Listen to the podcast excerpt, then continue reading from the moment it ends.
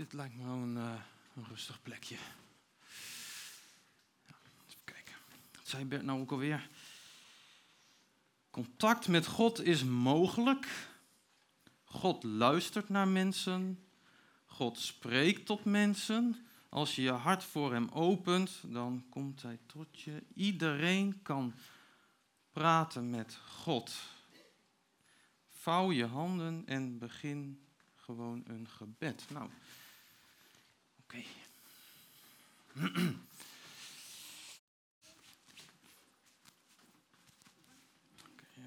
hoe start je zoiets? Nou, zo. Nou, zo misschien. Zo. God, hier ben ik. Ik luister. Spreekt u alsjeblieft tot mij.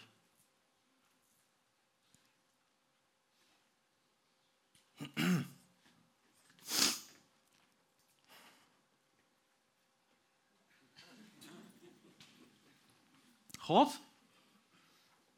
Misschien toch anders dan. Um, Oké. Um, God, ik open nu mijn hart. En ik luister. Kunt u tot me spreken? God? Hallo? Bent u daar? Ik voel ook helemaal niks. Moet je iets voelen eigenlijk? Misschien, misschien moet ik knielen. Ja, misschien moet ik dat doen. Nou, Oké, goed. God, ik ben hier. Mijn hart is open. Ik luister. Komt u maar. Hallo? God?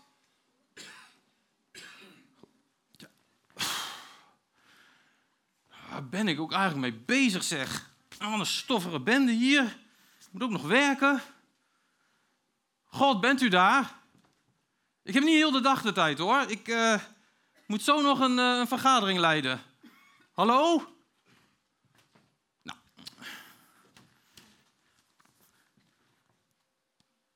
Ja, ik, ik, heb toch echt gedaan wat hier staat. God moet mij niet. Dat is het gewoon. Dat zal het zijn. Het is allemaal maar onzin gewoon. Hé, hey, wacht nou. Nou, hij gaat. Herkennen jullie dat? Dat je graag iets wil voelen en je bidt, dankjewel. En je staat helemaal open, zo open als je kunt zijn. Je verlangt echt naar iets speciaals met God, maar het komt niet. Je voelt niks, je merkt niks van God. Wie herkent dat? Nou, acht mensen. Jullie zitten goed vandaag. Nou, ik herken dat wel. Ik herken dat wel. En ik hoor het ook vaak in gesprekken met mensen. Dat ze zeggen, ja, ik voel dat niet wat jij voelt. Ik heb dat gevoel niet. Ik ga wel eens naar een kerk en ik hoor wel eens verhalen en ik zing wel eens een gelovig liedje mee. Maar ik voel dat niet zoals sommige mensen die ik dan met ogen dicht zie staan. Helemaal alsof ze een soort hemelse beleving uh, meemaken. Ik voel dat niet zo. Ik weet nog, toen ik verkering had met Suzanne. We zijn nu 15 jaar samen. We hadden toen net verkering. Ik was net bekeerd. En zij was ja, daar wel heel erg van uh, onder de indruk hoe dat allemaal ging. En ik vertelde daar veel over, wat ik dan voelde. Ik ben een echt gevoelsmens. En ik had dan weer zo'n ervaring en dan weer zo'n gevoel. En dan weer zo'n droom en dan weer dit en dan weer dat. Dat vond zij heel bijzonder. En op een gegeven moment ging ik ook hopen dat mijn vriendin, Suus, ook tot geloof zou komen.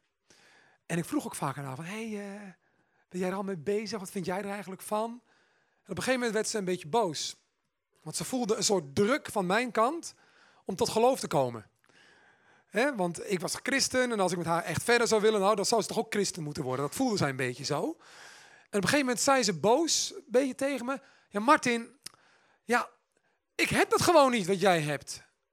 Ik zei, wat bedoel je? Nou, ik, ik heb al heel vaak gedaan wat jij zegt. Ik heb, al God, ik heb God al tien keer gevraagd om in mijn hart te komen. Wat jij altijd zegt.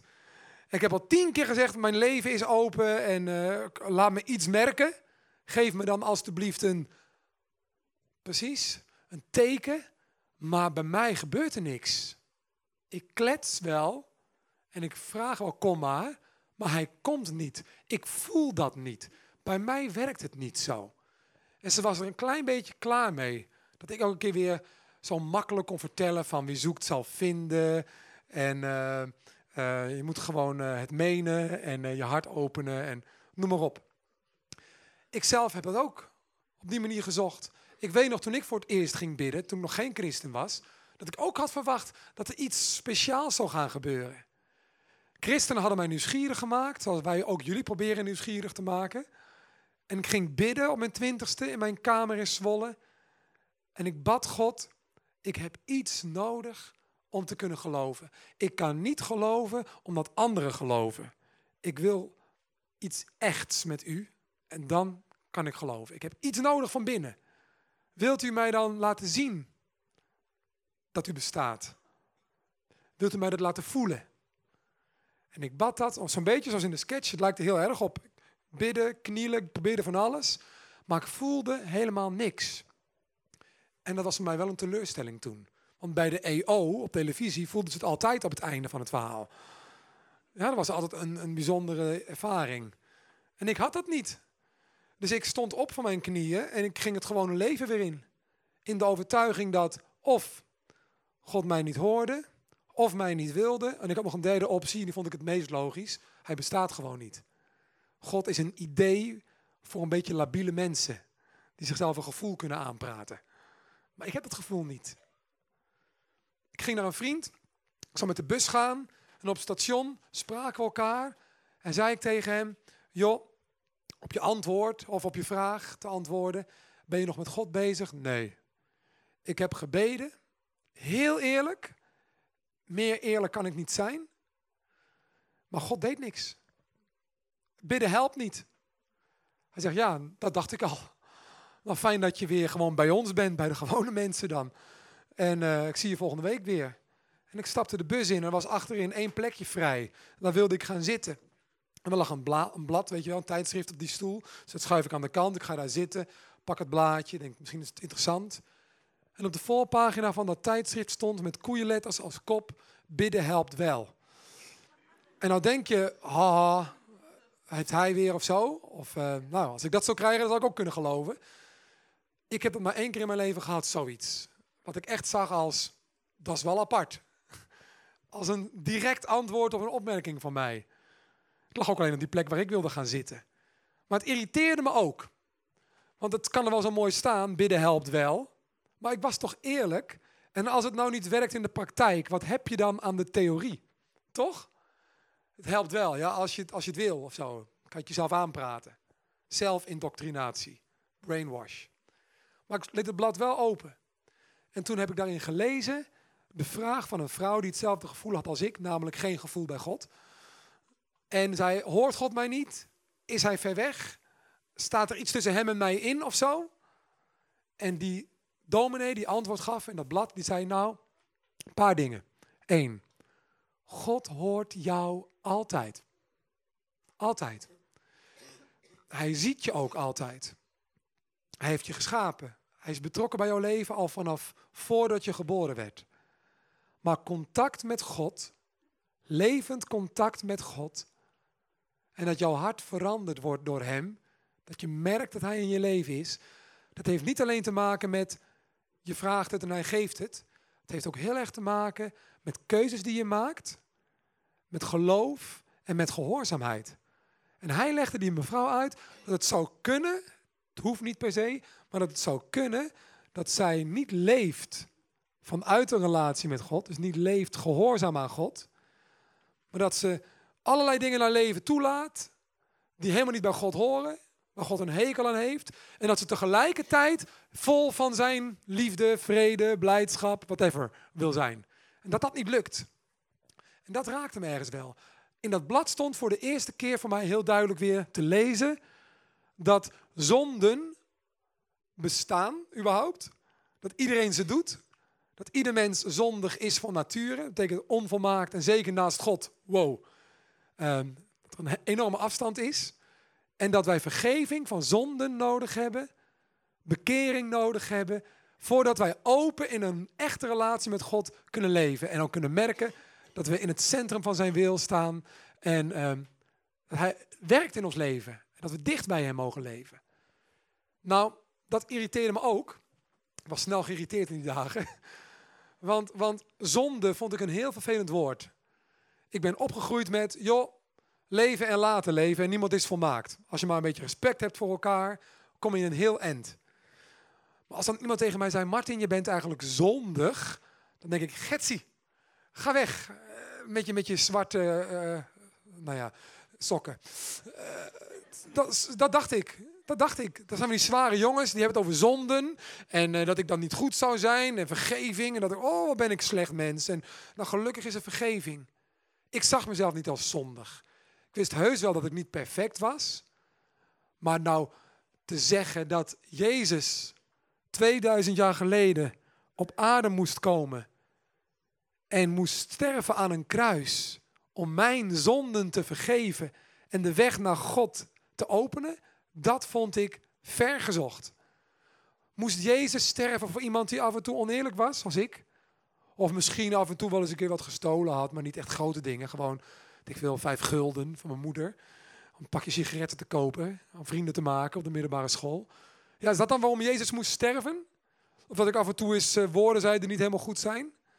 Of uh, uh, misschien niet altijd het goede deed? Moest daar iemand voor sterven? Moest ik eigenlijk in zijn plaats sterven? Ik vond het een beetje groot. Zo'n straf voor zulke gewone dingetjes die iedereen doet. Of veel mensen doen. Maar goed, ik was wel nog steeds heel nieuwsgierig naar het bestaan van God. En naar het contact met God. Dus ik ben toen op mijn kamer weer gaan bidden. En ik heb God gevraagd, als het dan echt zo is dat ik uw liefde niet kan ervaren en uw aanwezigheid niet kan merken, omdat ik afgesneden van u ben door mijn zonden, wilt u mij dan alstublieft helpen dat te zien? Want ik zie dat niet. Ik wil het wel, ik snap het niet, ik zie het niet, ik vind het overdreven. Maar misschien heb ik het helemaal mis. Maar ik, ik kan het zelf niet anders zien, het spijt me. Wilt u mij helpen? Als het anders is, om het ook anders te zien. En dat gebed, hand op mijn hart, 15 jaar geleden, heeft God beantwoord. Daar en toen, op mijn kamer weer, in Zwolle. Geen dominee bij, geen beentje bij, geen dienst, één op één. Mijn ogen gingen op dat moment open voor de dingen die God altijd al zag, maar ik nooit zag. Toen zag ik voor het eerst dat ik wel degelijk bekering nodig had om met God te kunnen leven. Dat ik niet op de goede weg was. Dat ik een andere weg moest gaan. Ik zag mijn trots, mijn hardheid, mijn scherpe tong, waarmee ik mensen heel diep, heel diep heb bezeerd. Soms uh, hebben mensen daar jarenlang last van gehad, van dingen die ik gezegd heb. Ik was goed in kwetsen, manipuleren, de baas willen zijn. Respectloos naar mijn vader. Lachen om, om, om cabaretiers die God tot op het bot, als dat al zou kunnen, vernederden, spotten, vloekten. En tegelijkertijd, God, Wilt u mij vullen met uw liefde? Ik wil graag ook iets met u. Maar ik wil niet veranderen. Ik wil mijn leven met liefde erbij. Een soort plus-optie. Maar God liet mij zien dat het anders is. En toen heb ik voor het eerst om vergeving gevraagd. toen heb ik God gezegd, ik wil nieuw leven. Ik wil vol zijn van iets nieuws. Ik wil vol zijn van u. Het spijt me wat ik fout gedaan heb. Ik wil Jezus gaan volgen. Een beetje wat je ook zag in de doopvideo's. Ik wil op de weg met Jezus gaan. En dicht bij God leven. En daarna werd ik vol van vrede. Daarna werd ik voor het eerst in mijn leven vol van een liefde die ik nooit eerder zo diep, zo levensveranderend had ervaren. Ik kende nog geen christelijke liedjes, zo ben ik niet opgevoed. Maar ik begon wel te zingen. Mijn eerste liedje voor God was, wow, wow, wow, wow. Zoiets qua tekst. Ik had niet echt woorden voor. Ik kende die christelijke woorden ook nog niet. Weet je wel. Uh, maar ik was vol. En ik, ik, ik, wow, wat bent u goed, wat bent u groot, u bent er. Oh, het spijt me, oh, ik wil met u. Oh, oh, oh. Gelukkig was er niemand bij, want het klonk ook niet zo mooi, denk ik. Maar het was wel gemeend. De eerste keer dat ik voor God zong. Daarna heb ik de telefoon gepakt, heb ik mijn oma gebeld. De enige christen met opa samen die ik kende. Bedankt voor het bidden. Ze hadden altijd voor mij gebeden. Oma zei, oh, ik geef je opa aan de lijn. Ik kreeg opa aan de lijn. En opa zei, welkom in de familie, jongen. Nu ben je niet alleen mijn kleinzoon, maar ook mijn broertje. Welkom in Gods familie. Wow. Ik heb toen iets geleerd en dat wil ik jullie vandaag meegeven. De themaserie is Durf te vragen. Ik wil het over één onderwerp hebben deze week. En ik ben er eigenlijk al mee begonnen. Gevoel, ervaring en geloof. En hoe werken die nou met elkaar samen? Deze vraag hebben we ontvangen. Hoe kan ik tot een vader gaan? En hoe weet ik of ik, hoe dat voelt? Je moet toch wel iets voelen? Of hoe kom ik weer in contact met God de Vader? Een arm van God om je heen, hoor je wel eens zeggen. Of ik mocht bij God op schoot. Hoe dan? Hoe dan? Waar, hoe voel je dat dan?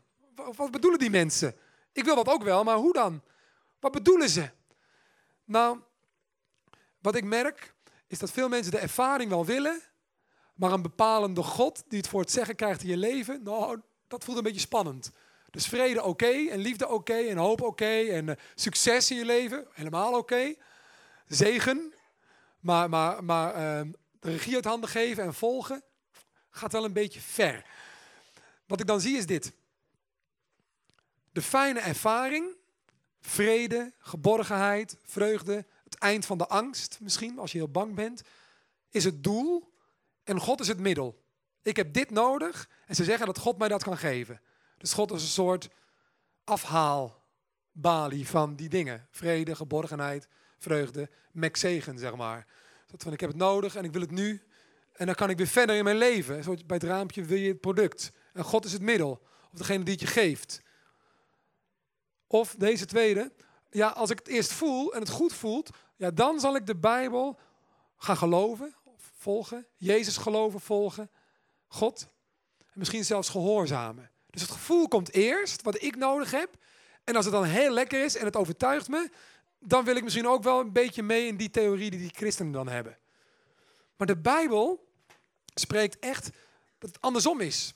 Niet ikzelf en mijn ervaring staan centraal, maar God zelf en God kennen, erkennen als de God van alles, ook van jouw leven, dat staat centraal in het leven van een gelovige. Als jij graag vol van God wil zijn, vol van zijn liefde, dan moet je je uitstrekken naar het kennen van Hem. In de Bijbel staat een zin, die, die komt vaak in mijn gedachten. Laat de Heer zelf je vreugde blijven. Dus de Heer geeft niet vreugde. Hem kennen is je vreugde. Snap je het verschil? Niet God, ik ben bang, wilt u me wat vrede geven? Maar God, soms ben ik bang, maar u bent mijn vrede. U kennen geeft mij rust. Dat ik u mag groot maken in mijn leven. Volgen, geef me een doel. Ik ben zo blij dat ik u mag kennen. En in de Bijbel zie je keer op keer dat het dus andersom is. Niet eerst gevoel en dan gehoorzaamheid of zo. Of dan God belangrijk maken in je leven. Maar andersom. Op moment. Dat heb ik keer op keer in mijn leven gezien. En dat van anderen ook. Als mensen zich bekeren van een foute weg en bewust met hun verstand en hun wil ook God gaan gehoorzamen, dan komt er meer vreugde en leven mensen dichter bij God. Als je dichter bij zijn woord leeft in gehoorzaamheid. Er is een eh, plaatje van dat mij als gevoelsmens altijd heeft geholpen. Zeker in het begin van mijn geloofsleven, want dit vond ik heel lastig. Ik ben nog steeds een gevoelsmens. Dat is niet veranderd. Mijn valkuil is ook, als ik het niet voel, is het er niet. Dan klopt het niet. Maar meer en meer probeer ik dit in praktijk te brengen in mijn leven. Voorop, feiten. Wat zijn feiten? Nou, voor mij zijn feiten wat de Bijbel zegt. Bijvoorbeeld een feit, God is dichtbij. Dat is een feit. Voel ik niet altijd hoor. Dat is een feit, dat wil ik geloven. Zie je de tweede wagon? Geloof. Ik stel mijn geloof op het feit. Geloof wordt getrokken door het feit. En daarna het gevoel. En zo werkt het. Feit. God is dichtbij. Ik geloof dat u dichtbij bent. En wat doet dat met mij? Het geeft me rust. In mijn gevoelens. Maar niet, oh, voel ik of u er bent? Want dan kan ik het geloven en dan is het een feit. Nee, echt andersom. En je moet uit de kramp komen van gevoel, geloof, feit. En in de rust van feit, geloof, gevoel. En daarbij wil God je ook helpen, geloof ik. De Bijbel zegt, en ik ervaar het ook zo, dat geloof een geschenk is van God. Dus als jij gelooft in de Bijbel, of merkt, hé, hey, ik begin een beetje te geloven, of ik geloof dat Jezus echt is, of dat er iets met Hem is, dat is het werk van God. God geeft geloof, maar jij moet wel met Hem samenwerken daarin. Ik heb uh, drie praktische Bijbelteksten die heel kort alle drie hetzelfde zeggen. En voor alle gevoelsmensen hier, en er zijn er veel van, onze hele maatschappij wordt steeds meer een gevoelsmaatschappij met ervaringen en events en feel it en experience it. En wah, Leven is vaak heel anders. Kijk maar even, de eerste tekst. Het begint met een feit. Jezus aan het woord. Jezus zegt tegen jou, ik heb jullie lief gehad. Zoals de Vader mij heeft lief gehad. Blijf in mijn liefde. Je blijft in mijn liefde als je je aan mijn geboden houdt. Zoals ik me ook houd aan de geboden van mijn Vader en in zijn liefde blijf. Nu komt het. Dit zeg ik tegen jullie om je mijn vreugde te geven. Dan zal je vreugde volkomen zijn. Zo. Hier staat het prachtig.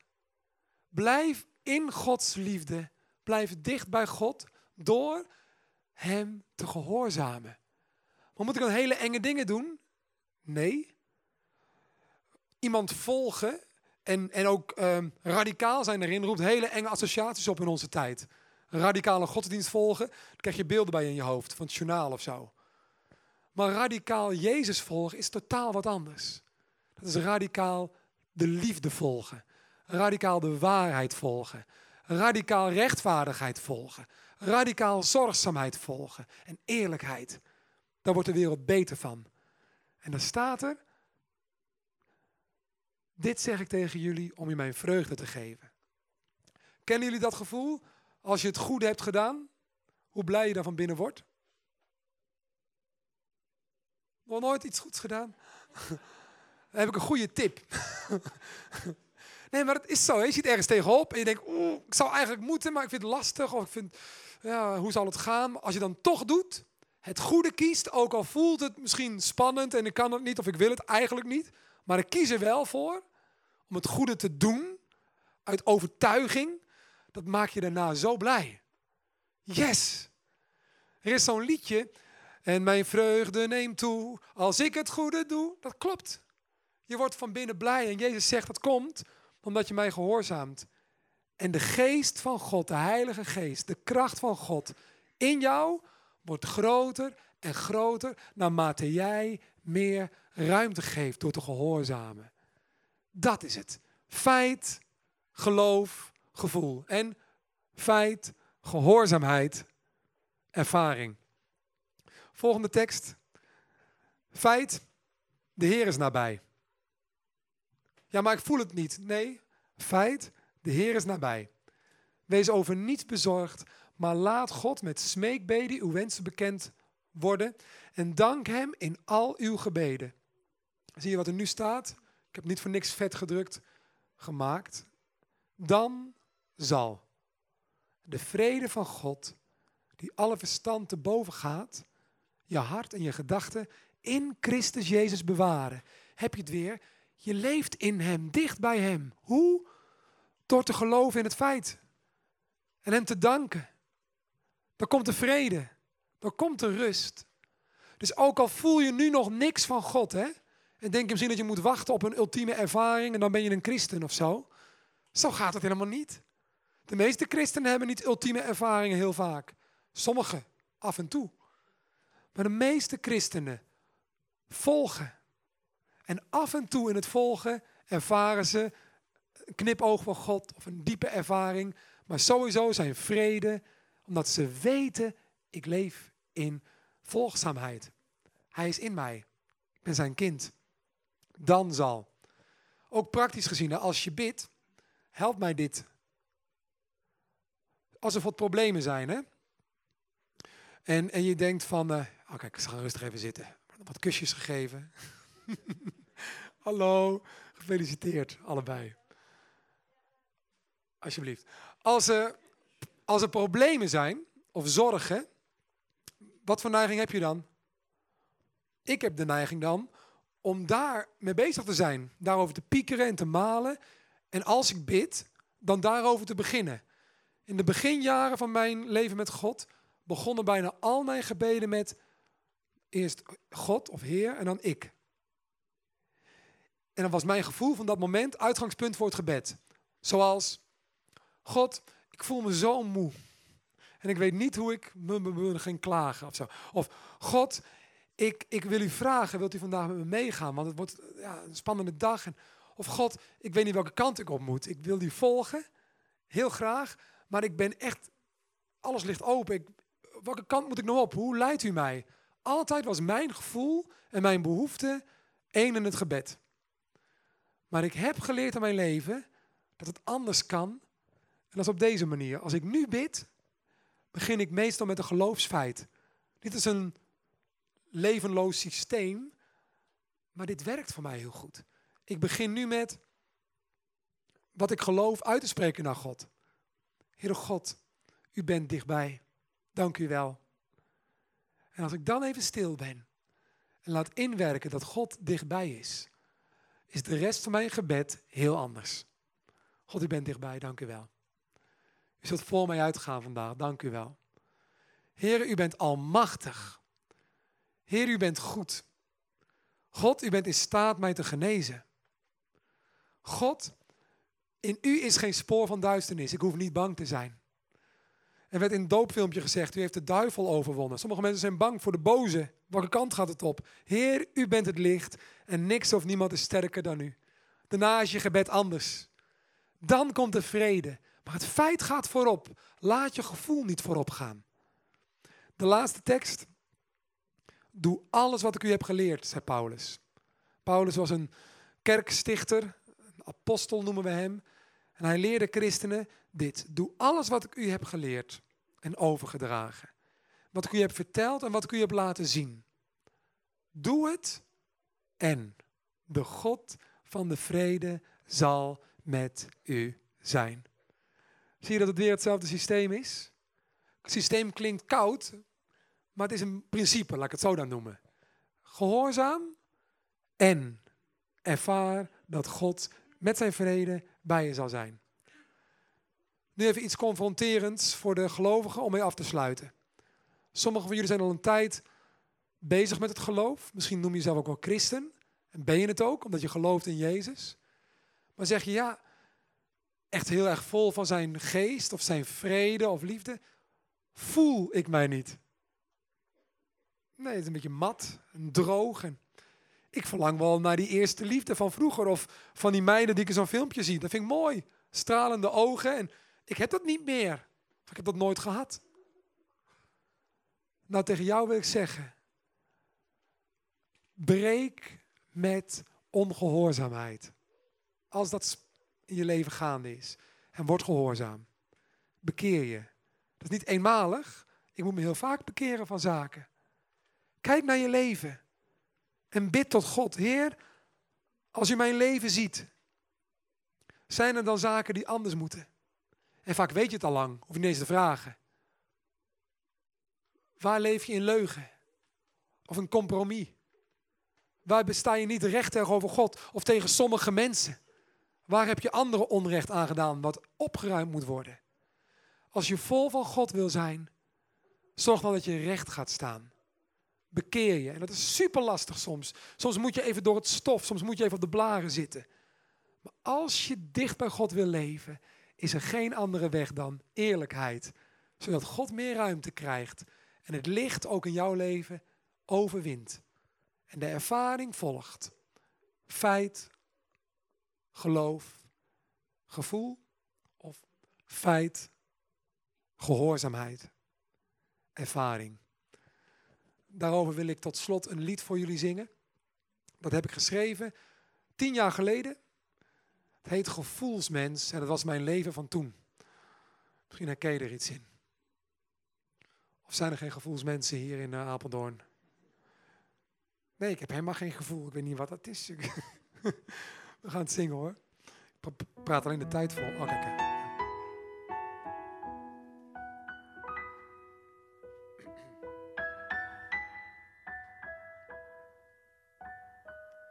Ik weet nog dat ik elke dag verlangde, dat ik smeekte of de geest mijn hart verzwolg.